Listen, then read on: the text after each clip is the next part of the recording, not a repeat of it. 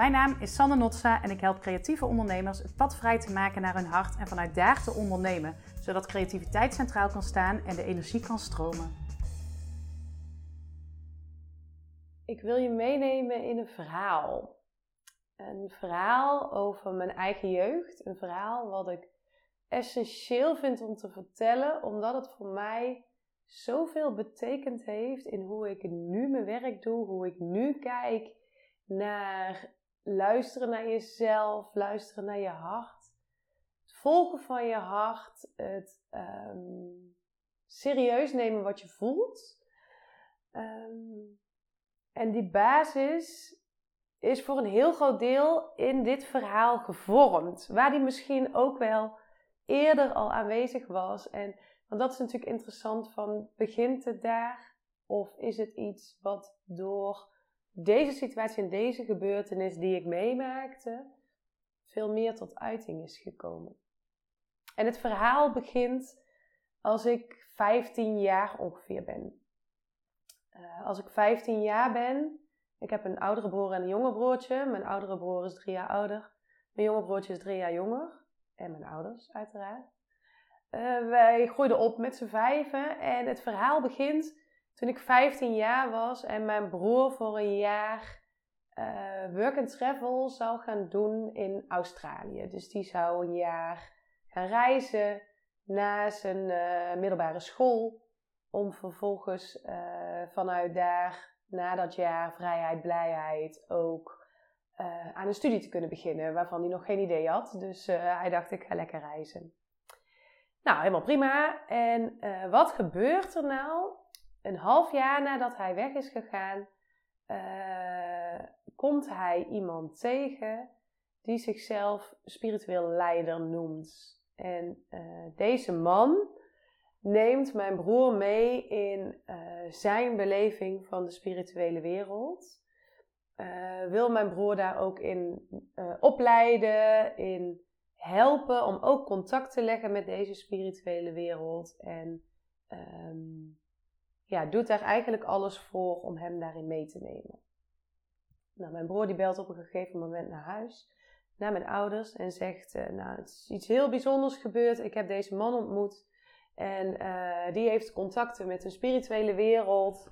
En um, hij wil mij daar graag in meenemen, mij ook leren hoe je dat doet, zodat ik ook uh, dat contact kan hebben en zodat ik een heel mooi leven kan gaan leiden waarin ik alles uh, ja, wat mijn hartje begeert, uh, kan gaan uh, creëren, kan gaan maken. En je wordt geleid en het is nou ja, een, spirituele beweging, om het zo maar even te zeggen. En mijn ouders gingen daar heel erg op aan, of met name mijn moeder ging daar heel erg op aan en mijn vader ging daarin mee, laat ik het zo zeggen. En deze spirituele leider, wij hadden hem in die tijd nog nooit gezien. Hij had contact met ons via de telefoon, of eigenlijk vooral had mijn broer contact met ons via de telefoon nadat hij met deze spiritueel leider allerlei um, boodschappen had ontvangen. Dus nou, je, stelt het je zo voor, deze spiritueel leider die zegt ik ontvang deze en deze boodschappen voor jou. Deze boodschap is voor jouzelf. Uh, deze boodschap is voor jouw moeder, voor jouw vader, voor jouw gezin nou ja, zou jij het met hun willen delen? Dus mijn broer die deelde regelmatig uh, boodschappen uh, die uh, deze spiritueel leider, of nou ja, kijk hoe je het wilt noemen, doorkreeg, die deelde hij met, met ons. Nou, mijn, met name mijn moeder, zoals ik al zei, was hier wel gevoelig voor, geloofde hier ook heel erg in. Mijn vader ging daar wat in mee. Mijn broertje was nog jong. Uh, dus die had daar nog niet zo heel veel in te zeggen of te doen, denk ik. Uh, en ik zelf had er niet zoveel mee, als ik heel eerlijk ben. Ik dacht, ja, uh, dat zal best, maar ik leef een prima leven. En volgens mij heb ik het niet nodig om op deze manier ehm, boodschappen die via iemand anders komen serieus te nemen en daardoor een ander leven te gaan leiden. Dus nou, ik haakte daar al een beetje op af. Maar goed, hoe ging dat nou? dagelijks, in ieder geval wekelijks, maar ik denk wel meerdere keren per week, kwamen er boodschappen door. En die boodschappen gingen vaak ook gepaard met een soort van opdrachten.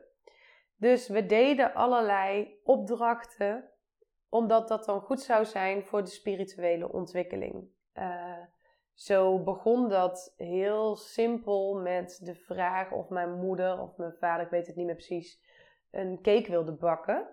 Ehm, en die uit wilde delen aan een aantal mensen. Of mensen wilden uitnodigen op de koffie en die cake dan met die mensen wilde eten. Uh, ik maakte in die tijd muziek. Ik heb heel lang dwarsfluit gespeeld. En een van de eerste vragen aan mij, herinner ik me nog, was of ik uh, een muziekstuk op wilde nemen op een bandje, zoals je dat vroeger deed, hè, record en play. Um, om, om dat muziekstuk op te nemen op een bandje, uh, zodat dat vaker ook gespeeld kon worden en of ik dat bandje dan met hun wilde delen. Nou ja, een boodschap of een opdracht waarvan ik niet dacht van, oh, dit gaat mij echt helpen in mijn toekomst en uh, ik ga hier hartstikke gelukkig van worden. Maar ook niet een boodschap waarvan ik dacht, ik doe het niet. Want voor mijn gevoel was het een beetje een, ja, baat het niet, dan schaadt het niet verhaal. Dus uh, ik vond het prima om dat te doen. Nou, zo ging dat wat verder en kwamen er dus heel regelmatig voor mij, voor mijn broertje, voor mijn broer uiteraard uh, en voor mijn ouders verschillende opdrachten, ideeën, maar ook boodschappen door waar we niet zoveel mee hoefden. Uh, mijn moeder schreef dat vaak allemaal op in een boek. Uh, dat boek is er niet meer. Dat is uh, ooit, um, of het waren meerdere boeken, maar ooit hebben, hebben zij die weggedaan. Dus ik kan ook niet meer precies die boodschappen achterhalen. maar is niet, niet per se relevant voor dit verhaal.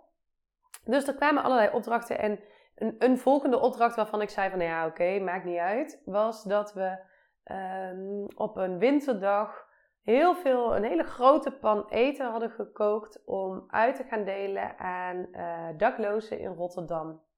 En uh, nou ja, die dag dacht ik ook van, wat hebben we eigenlijk toch iets moois gedaan? Want hè, we hebben daklozen geholpen dat ze een goede voedzame maaltijd hebben waar ze uh, wat mee verwarmd werden. Nou, hartstikke mooi iets wat we deden.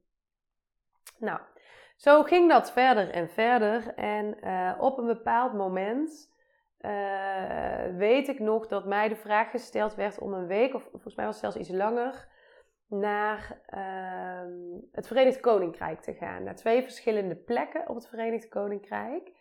Uh, ook dat hè, zou goed zijn voor mijn spirituele ontwikkeling.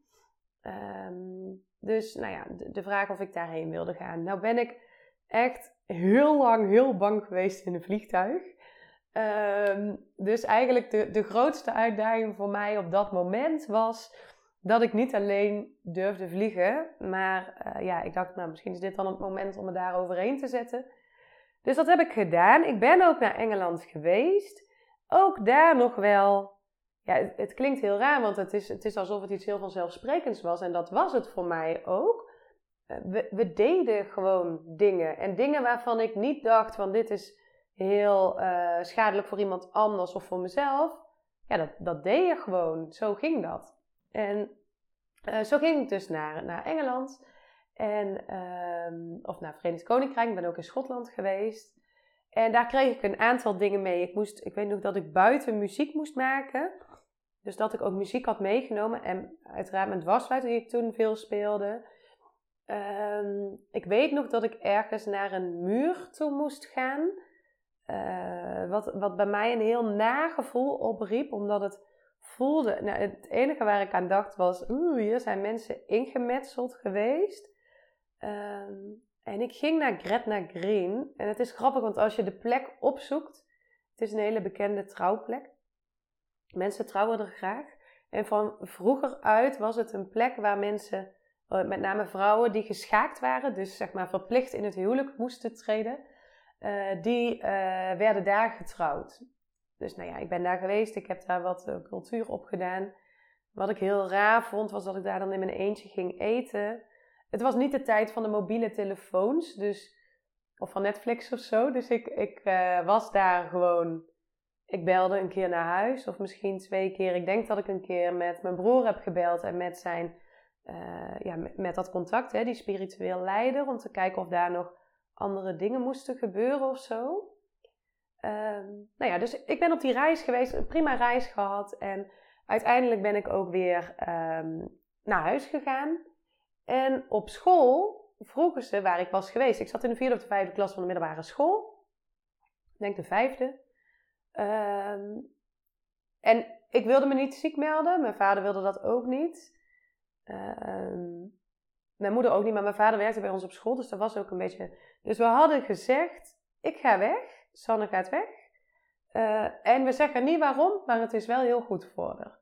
Wat natuurlijk eigenlijk, als ik daar nu op terugkijk, super raar is. Want ja, wat moeten mensen ook wel niet gedacht hebben? En nou, nou vind ik dat op zich nog niet zo erg. Ik schaam me niet voor andere mensen. Maar mensen moeten toch ook gedacht hebben van wat, wat ga je dan doen? Of moet ik me nu zorgen maken? Of is dit oké? Of wat, wat, moet ik hiervan vinden? Dus, nou ja, goed. Ik, ik daar geweest. Ehm, op school dus gezegd, ja, ik zeg er niks over. Ook tegen vrienden en vriendinnen. En ik herinner me eigenlijk helemaal niet meer zo goed hoe de klas daarmee omging. Of ja, ik weet dat ik die uren moest inhalen in een soort van nablijven. Ja, ik zei gewoon, ik zeg daar verder niks over. En niemand stelde daar ook verder een vraag over. Wat met terugwerkende kracht ik nog steeds heel erg raar vond. Maar wat ook iets zegt over uh, de kracht die ik daar op dat moment in had. Maar wat ook iets zegt over wat er gebeurt als je je zo laat leiden. Nou ja, dus lang verhaal kort, hè, er gebeurden allerlei van dat soort opdrachten. Uh, en dat ging maar door, dat ging maar door. Totdat ik na een poosje zei, ik weet het niet, ik voel me hier niet meer zo goed bij. Ik vind dat het ook veel van me vraagt. Dus het was niet eens per se dat ik dingen moest doen waar ik niet achter stond. Maar het was meer dat het me heel veel tijd kostte. Of dat ik ja, en ik zag daar niet per se een, een, een positief iets in. Uh, al zag ik ook niet wat, dat er iets negatiefs in zat, zeg maar. Maar het was voor mij een beetje neutraal. Maar ja, hoe meer het ook een last werd, hoe meer ik dacht van waarom ben ik dit eigenlijk aan het doen? Dus uh, toen zei ik al van ik weet het niet. Ik weet niet of ik hiermee verder moet gaan. Ik heb, uh, ik heb niet het idee dat ik het nodig heb. Ehm, ik heb het gevoel dat ik beperkt word in wat ik wil doen. Dus ik, uh, ik ga er denk ik mee stoppen. En daar kwam een moment waarop deze spiritueel leider, uh, samen met mijn broer ook, mij gewaarschuwd hebben voor wat het plan van de spirituele wereld was. Op het moment dat ik niet zou doen wat zij mij aangaven. Ofwel, als jij niet doet wat het plan is, als jij niet doet wat wij zeggen, als jij hier niet in meewerkt, dan gebeuren jou ontzettend vreselijk verschrikkelijke dingen. Nou, wat ook maakte dat of je dat nou gelooft of niet, ergens door die hele periode daarvoor, door hoe het allemaal gegaan was, kon ik het ook niet helemaal negeren. Dus betekende dat voor mij dat ik een, een tijd lang ook uh, heb gehoorzaamd aan uh, dingen waar ik eigenlijk al niet meer achter stond. Uh, dat betekende ook dat ik bepaalde tijden had waarop ik thuis mocht zijn, moest zijn, want buiten die tijden zouden er wel eens dingen met mij kunnen gebeuren. Ik mocht nergens alleen heen. Ik moest altijd een soort van toestemming vragen. Ja, als ik erover terugdenk, is het ook best vreemd. Maar dat was wat het was. Um, dus ik was helemaal niet vrij op dat moment. Ik, had, uh, ik, moest overal toestemming voor vragen, niet aan mijn ouders. Maar aan deze man, omdat die het dan zou checken bij de spirituele wereld. Nou, en waar uh, mijn ouders, mijn broer, mijn broertje een soort van worst voorgehouden werd van als jij uh, doet wat de opdrachten zijn, als jij daarin meegaat, dan zal het jou iets, iets prachtigs opleveren en een mooie toekomst ligt er voor je klaar, want er zijn zo'n grote plannen met jou. Werd er tegen mij eigenlijk vooral gezegd, als jij niet doet wat wij van jou verwachten, Ehm, dan gebeuren er hele vreselijke dingen. Dus je ziet dat aan de ene kant werd er iets moois gezegd en aan mijn kant werd er eigenlijk iets heel negatiefs gezegd en meer in de dreigsfeer.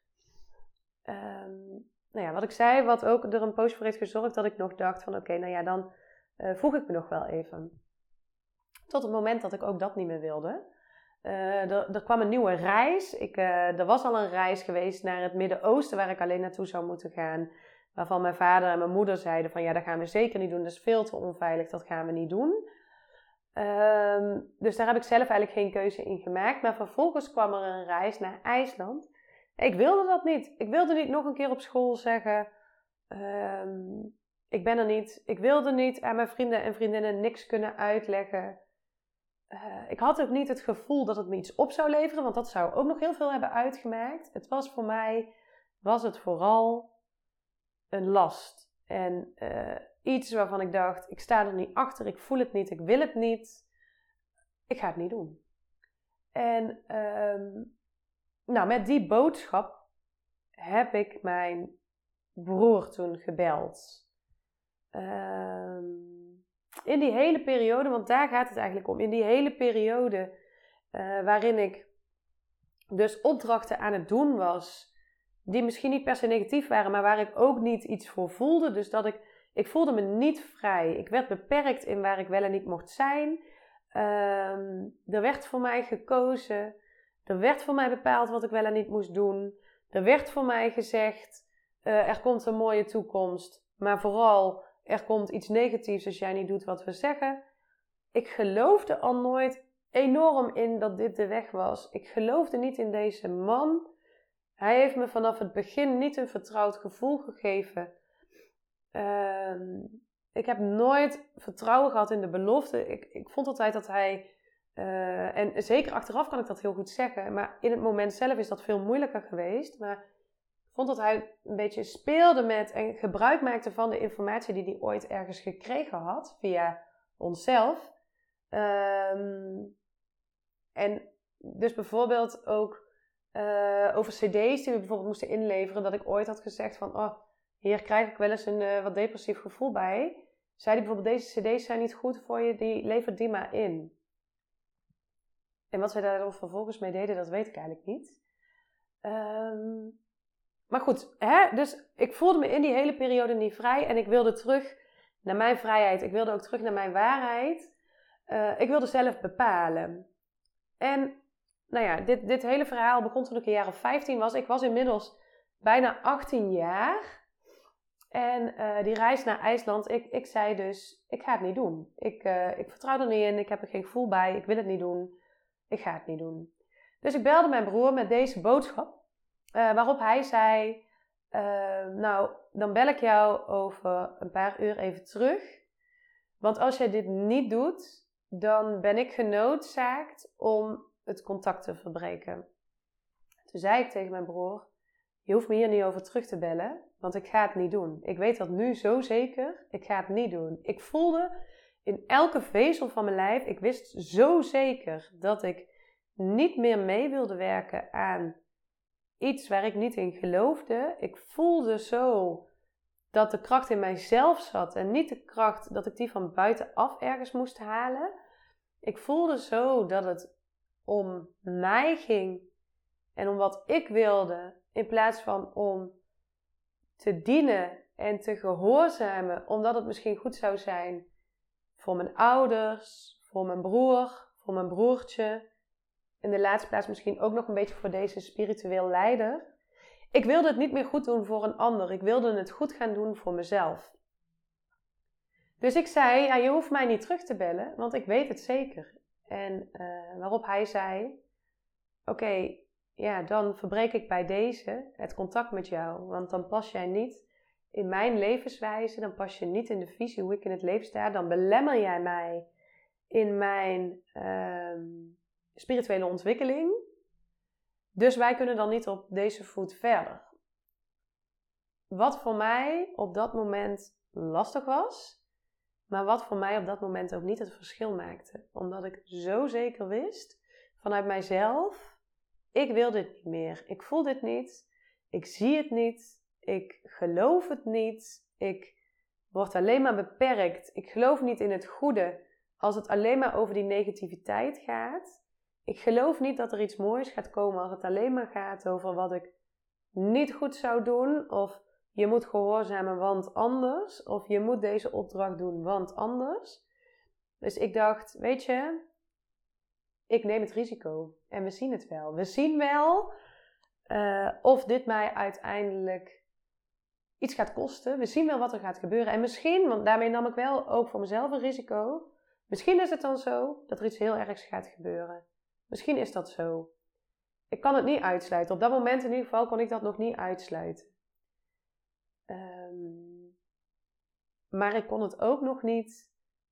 Ehm, ik kon het ook niet zoveel waar aannemen dat dat de reden was waarom ik niet zou stoppen en niet zou luisteren naar wat voor mijzelf de beste keuze was. Dus ehm, we hebben het contact verbroken op dat moment. Of eigenlijk hij met mij. Het was niet mijn keuze. Um, we hebben het contact verbroken. En dat vond ik lastig. Maar dat vond ik ook oké. want ik wilde het niet meer op deze manier. En um, waar voor mij dit verhaal heel erg over gaat, is wanneer voel je dat iets echt goed is? Uh, wanneer voel je dat je de juiste keuze maakt? Wanneer voel je de kracht van het bij jezelf zijn? En ik voelde hier zo duidelijk wat voor mij belangrijk was, met alle risico's van dienen. Wat ik zei dat het voor mezelf heel slecht zou zijn. Uh, dat ik het contact met mijn broer zou verliezen. Dat ik mogelijk ook wel het contact met mijn ouders en mijn broertjes zou verliezen. Omdat die wel meegingen in het hele verhaal. Um, maar het gaf me zo'n gevoel van trots ook eigenlijk. En ik, maak er bijna deze uh, dankbaarheidsbeweging bij. Um, het gaf me zo'n gevoel van eigenwaarde, van trots, van ik weet waar ik voor sta, ik weet waarvoor ik het wil doen, ik weet waar ik in geloof, ik weet wat ik nodig heb. En daar ga ik voor staan. En dat heb ik heel erg vastgehouden. Ehm, en dat vind ik ook het mooie aan dit verhaal. En ook hier ging het enorm over het luisteren naar wat voel ik nou dat ik moet of mag doen hoe voelt het als zo'n reis mij aangeboden wordt? Hoe voelt het om zo'n opdracht te doen? Voelt dat in, ja, het is oké, want ik, ik er niemand mee? Of voelt dat in, het heeft zin, ik word er enthousiast van, ik word er gelukkig van, het brengt mij iets? En dat laatste was niet het geval. Dus dat was echt helemaal de reden dat ik dacht, ik wil voelen dat het voor mij iets doet. Ik wil voelen dat ik er plezier, voldoening, genot uithaal. Ik wil volgen wat mijn hart me ingeeft. En mijn hart gaf me in om deze keuze te maken. En uh, natuurlijk ging daar even overheen. Of natuurlijk, misschien is dat niet voor iedereen natuurlijk. Maar voor mij is dat natuurlijk, want er zaten allerlei verhalen aan vast. Het ging niet alleen om mij. Het ging om, om mijn broer, om mijn ouders, om uh, mijn broertje. Het ging over uh, ergens onderdeel van uitmaken.